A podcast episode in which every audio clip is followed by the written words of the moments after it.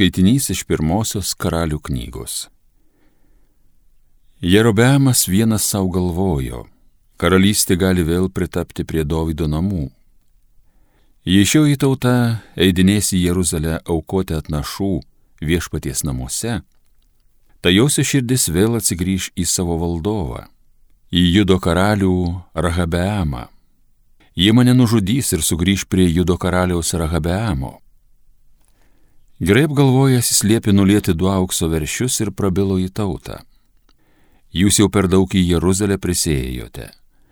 Izraeli štai čia tavo Dievas, kuris tave išvedė iš Egipto. Ir vieną veršį jis pastatė Betelyje, kitą nugabeno į Daną. Tasai pasidarė nuodėmės progą. Tauta ėmė lik Dano prie vieno veršio. Taip pat jis pastatė aukurus ir paskyrė kunigus, kilusius iš visų tautos dalių ir Levio sūnums nepriklausiusius. Aštuntojo mėnesio penkioliktą dieną Jerobeamas surengė šventę, kuri atitiko šventę Jude. Jis ėjo prie aukuro Betelyje aukoti savo paties padirbintiems veršiams. Betelyje liepė eiti tarnystę ir kunigams, kuriuos buvo paskyręs prie alkų. Jerobeamas ir po šio įvykio nepasuko iš savo piktojo kelio. Jis ir toliau skyrė prie alkų kunigus iš visų tautos dalių. Kiekvieną, kas norėjo, jis skirdavo aukštuoju kunigu. Bet šitai Jerobeamo namams buvo palaikyta nuodėme ir jie buvo sunaikinti, nušluoti nuo žemės paviršiaus. Tai Dievo žodis.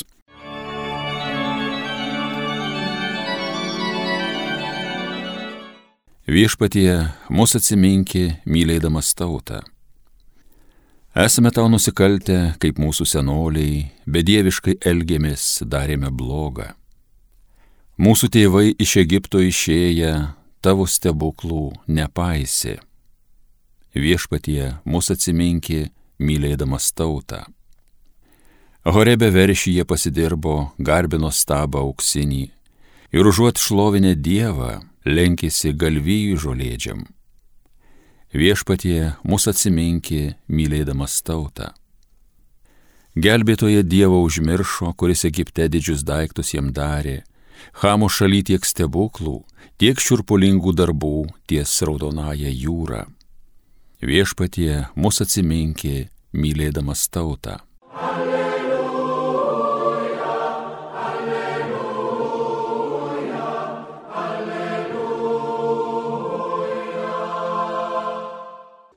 Žmogus gyvas ne vien duona, bet ir kiekvienu žodžiu, kuris išeina iš Dievo lūpų. Alleluja, alleluja, alleluja. Iš Evangelijos pagal Morku. Susirinkus gausiai miniai ir žmonėms neturint ko valgyti, Jėzus pasišaukęs mokinius tarė, gaila man minios, jau trys dienos žmonės pasilieka su manimi ir neturi ko valgyti. Jei paleisiu juos namo alkanus, jie nusilps kelyje, nes kai kurie yra atėję iš toli. Mokiniai jam atsakė, o iš kur dikumoje gauti duonos jiems pavalgdinti? Jėzus paklausė, kiek duonos kepalėlių turite? Jie atsakė, septynis. Tada jis liepė žmonėms susėsti ant žemės, paėmė septynis kepalėlius, sukalbėjo padėkos maldą, laužė ir davė mokiniams dalyti, ir tie padalijo miniai. Jie dar turėjo kelias žuveles, Jėzus palaimino jas taip pat liepė dalyti. Ir žmonės valgė iki soties, ir mokiniai dar surinko septynias pintines likučių o buvo apie 3-4 tūkstančius žmonių. Jis atleido juos ir netrukus įsėdęs su mokiniais į valtį, nuplaukė į Dalmanutos sritį.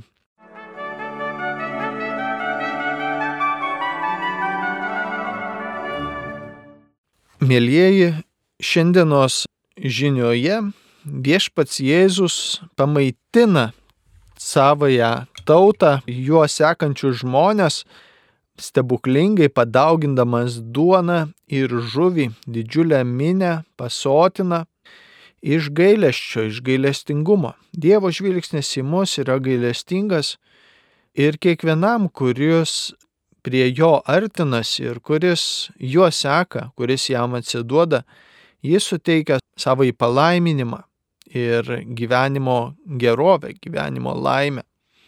Tuo tarpu atvirkščiai, žmogus atsitolinantis nuo Jėzos, atsitolinantis nuo to, į ką mus kviečia Dievas, randa skurdą, vargą, kančią, netgi nelaimę ir žūti ir pražūti ir galbūt ir amžinai. Tai girdime Jeroboamo pirmoje skaitinėje pavyzdyje, kuris atsižadėjo Izraelio Dievo, Jahvės garbinimo ir ėmė garbinti iš aukso padarytus veršius, kuriuos pats užsakė padaryti, tarsi pačius dievus. To pasiekoje įstiko pražūtis. Matome, kad stabmeldystė kaip tokia yra žmogui užtraukianti negandą gyvenime. Ir šiandien, kada mūsų laikė gyvename, kuriame tokį tarsi turime išsivyščiusią ir racionalią, žmogiškai pakilėtą visuomenę ir, ir laikmetį, mums nejučia kyla klausimas, o kur, kur yra mūsų šio laikmečio stabmeldystės iš krikščioniško žvilgsnio? Kur galbūt mes šiame laikmetyje savo aplinkoje garbiname kitus dievus negu Dievą ir tuo būdu užsitraukiame savo negandas ir nelaimės ir pražūtį, kurio Dievas mums nelinkia, jis yra meilė, mūsų mylintis viešpats. Bet e, per stabmeldystę žmogus atsiveria piktai dvasiai ir jos įtakai, kuri yra kupina neapykantos ir kenkimo. Tai yra smurto dvasia, tai yra bloga dvasia, kuri nekenčia žmogaus. Ir žmogus tuo būdu tampa įtakotas tų dvasinio blogio jėgų.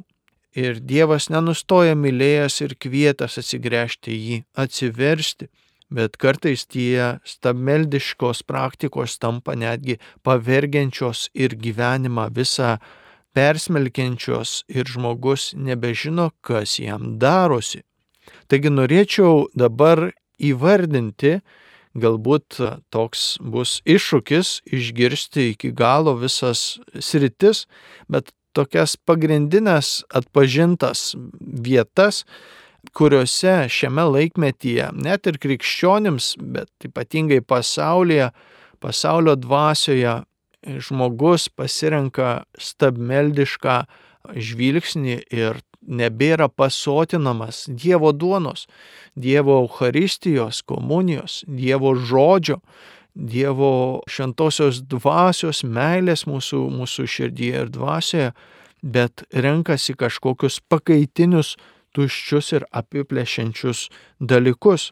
Yra bent tokios labiausiai vyraujančios septynios tiesioginės meldystės rytys šiame laikve, tai labai populiari yra Age ir sinkretizmo praktika, kada žmogus sako, koks skirtumas, kokia religija vis tiek yra vienas Dievas ir kuriasi savo patogų dvasingumą. Susirankioja, kas jam tinka, kažką iš vienos religijos, kažką iš kitos. Jėzus čia yra toks vienas iš kelių pas Dievą, bet žmogus iš esmės jo religija yra kaip man patogu, kas man patinka ir jis nebeturi atsidavimo viešpačiui Jėzui ir krikščioniškam žvilgsniui, kurį jisai mus kviečia. Kitas yra ezoterika, energetinis mąstymas ir to, kaip čia mūsų kažkokios tariamos visatos energijos, visatos vibracijos, toks iliuzija, kad, kad viskas yra tik energija, visa egzistencija ir mes tą energiją turim išgyventi ir kažkokią vienybę su kosmosu. Na, nu, jisai neįsivaizduoju, kas tas kosmosas. Būna net ir bažnyčioje, ateina žmonės, sakau, kūnigė, žiūrėkit, šitoj vietoje jūsų bažnyčioje labai stipri energetika, va jeigu, jeigu norėsit pasikrauti energijos, tai va eikit pasimelst va į šitą vietą. Oho, galvoju. o Jėzus ar stiprią energetiką turi Euharistijoje ar ne, žinai, belieka paklausti. Kai Jėzus sakė, iš jūsų vidaus plūs gyvojo vandens rovės, ne iš kur kitur, iš jūsų tikėjimo, iš jūsų tikėjimo manimi, Jėzus sako, tai yra jūsų na, gale ir jėga gyvenime. Toliau yra stabų garbinimas, tai yra visos neopagonizmo apraiškos. Kas tai bebūtų, bet kokie kūriniai, bet kokie daiktai, bet kokie gamtos reiškiniai, jie yra kūryba, jie yra Dievo sukurta, bet patys savyje tai neturi dieviškumo pačio savyje. Toliau yra įvairūs praktikos, kuriomis mes įgyjame arba įtikime iš tikrųjų daiktais, daikteliais, kažkokiais tariamai mums teikiančiais apsaugą, sėkmę, pagalbą, variausiais talismanais, amuletais, ar tai būtų kokie kristalai, ten pakraunantys, ar kokios akys saugojančios, ar kokios pasagos sėkmę teikiančios, ar ten piramidės, vėl ten kažkokiu tai. Turėjimas tokių daiktų ir pusiau sąmoningas ar net ir sąmoningas tikėjimas, kad jie kažką mums atneša pagalbui, yra iš tikrųjų tiesioginė stabmeldystė. Labai konkrečiai teko susidurti su atvejais, kur žmonės netgi piktosios dvasios pavergimą, sunku su manifestacijom išgyveno kada turėjo kažkokius akmenis, kurie tikėjo, kad saugoja nuo viso blogio, žinai čia nėra žaidimai. Ir šitas dalykas netaikomas krikščioniškiam simboliam, kurie krikščioniškų žvilgsnių, kaip pavyzdžiui pašventinti kryželiai, paveikslai ar dar kažkas, tai nieks negarbina, ne, net kartais iš protestantiškų bendruomenių yra tas priekaištas katalikams, kad katalikai garbina stabus paveikslus, ten kryžius, statulas, dar kažką bet tai yra tiesiog ženklai ir simboliai tos neregimosios tikrovės, kurią Kristus savo įsikūnymu atspindi. Ir mums yra priminimas ir galima sakyti žmogaus turinčio arba pasikabinusio paveikslą krikščionišką arba kryžių. Tai yra jo deklaracija, kad tas Jėzus Kristus yra jo Dievas, kuris jisai išpažįsta. Ir aišku, gali būti, kad žmogus prisiriša prie kažkokių daiktų ar paveikslų ar dar ko nors ir to būdu irgi gali tapti, na, širdis stabmeldiškai, sakykime, susikoncentravusi į šventą, pašventintą daiktą ir panašiai. Tai, tai reikia to budrumo, bet patys savytie daiktai nėra stabmeldiški. Daug pavojingiau yra visi kiti ne, nekrikščioniški dalykai, kurie taliamai mums padeda. Toliau hinduizmo, budizmo praktikos. Taip pat ir joga yra žmonių, kurie tikrai turi labai blogų padarinių, į jogą įsitraukia, visokios būdų stolėlės deda namuose, dar kažką, tai gali pritraukti ir piktąją dvasę, jos įtaka šitie dalykai. Toliau ėjimas pas visokius pagalbos ypatingų galių turinčių žmonės, būrėjus, bioenergetikus, šamanus, ekstrasensus, kas tai bebūtų.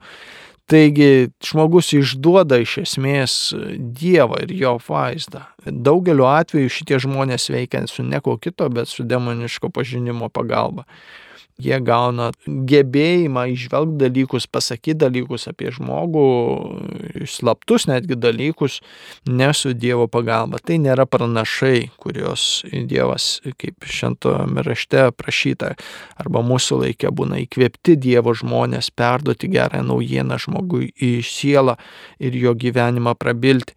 Ir tai yra stabilystės nuodėmė eiti pagalbos. Aišku, čia susiję ir visokie horoskopai, astrologija ir visi kiti dalykai, bandymas išsiaiškinti savo ateitį remiantis gamtos dėsniais. Dievas nori mums gyvenimą pašventinti ir duoti tą gyvenimo iššūkį ir palaimą, pasitikti jo ateitį, kokią jisai paruošęs, be kontrolės, kurią mes norėtumėm įvesti. Dar yra netiesioginiai stamildystės būdai mūsų laikmetyje, ypatingai materializmas, vartotojiškumas, kada turto kaupimas ir asmeninė gerovė tampa gyvenimo centru, technologijų pažanga, kada vis vairios technika ir technologijos tarsi mūsų nuo visko apsaugo ir iš visų dalykų gali išvesti ir žmogus pasitikė technologijom šiais laikais daug labiau negu Dievu ar netgi savimi. Toliau socialiniai tinklai, internetas, kiek žmonių priklausomų dabar nuo socialinių tinklų ir, ir virtualios realybės ir tai taip pat tampa tarsi stambeldystė, kada užima žmogaus gyvenimo centrą. Šiame laike mūsų daug turime asmenybių kulto, visos muzikos žvaigždės, pop žvaigždės, sporto žvaigždės ir visos kitos na, lyderiai, kuriuos kartai žmonės tarsi dievus garbina ir, ir pagal juos nori savo gyvenimą atspindėti, o tarsi patį dievą. Nacionalizmas politika persmelkia mūsų mentalitetą ir mes sudedame viltis, kad politikai išspręs mūsų tautos problemas, kad, kad mūsų identitetas nacionalinis išspręs visas problemas ir mūsų pasieksim gražią ateitį ir panašiai. Bet jeigu eliminuojam Dievą, kokią gražią ateitį mes turėsime? Turėsime vargą, skurdą, kaip Dievo žodis sako, būsime nuogi ir pliki, jeigu Dievą išmesime iš savo širdžių ir gyvenimų. Dar mūsų stabildystė gali tapti darbas, pasiekimai, karjera, kada juos pastatome į pirmiau dvasingumo ir, ir savo artimo ryšio su, su žmogumi. Taip pat mūsų laikė yra tokia stammeldystė, kuri vadinasi laisvės stammeldystė ir tokios autonomijos asmeninės neliečiamumo, kada žmogus užsideklaruoja, kad aš esu neliečiamas, mano moraliniai sprendimai, mano mąstymas, mano jausmai tai, ką aš veikiu, yra mano reikalas ir niekas, niekas neturi teisės apie mane kažką spręsti. Aš pats savo tarsi visagalis esu ir nieks nedrįskit man kažką sakyti. Žmogus pats savo tampa centras ir Dievas. Kartais gali tapti ir sportas, ir įvairūs pasiekimai, ir laimėjimai, pergalės žmogaus gyvenimo irgi didžiausių tikslų ir, ir, ir aukščiausių pasiekimų, kokį tik žmogus gali trokšti. Arba kokios nors pramogos, kurios e, gali būti ir mėgama veikla, ir, ir pasilinksminimai, malonumai, ir tai tampa irgi žmogaus Romos imperijoje duonos ir žaidimų. Taigi matome, mūsų laikė yra visa eilė iššūkių, per kuriuos iš tikrųjų, iš tikrųjų žmogus yra žiauriai puolamas toje įtakoje įvairiausių iš kairės ir dešinės. Ir Jėzus Kristus įžengia į istoriją ir mums ir šiandien yra tas pats, šiandien ir per amžius. Jis yra vienintelis Dievas, vienintelis tas, kuris yra kelias į amžinybę ir vienintelis tas, kuris čia mūsų gyvenime gali mums duoti gyvenimo kokybę ir pilnatvę ir laisvę ir laimę ir tvarumą viso žmogiško identiteto, išvaduojančio mus iš visko, kas mus apiplėšia.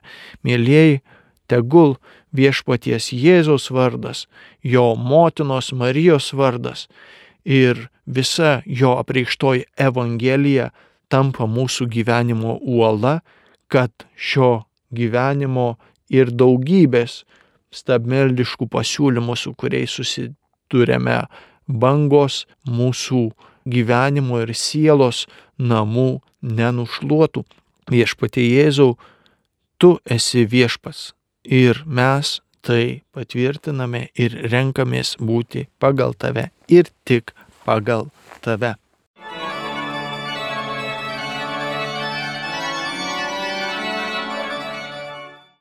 Homilija sakė kunigas Andrius Končius.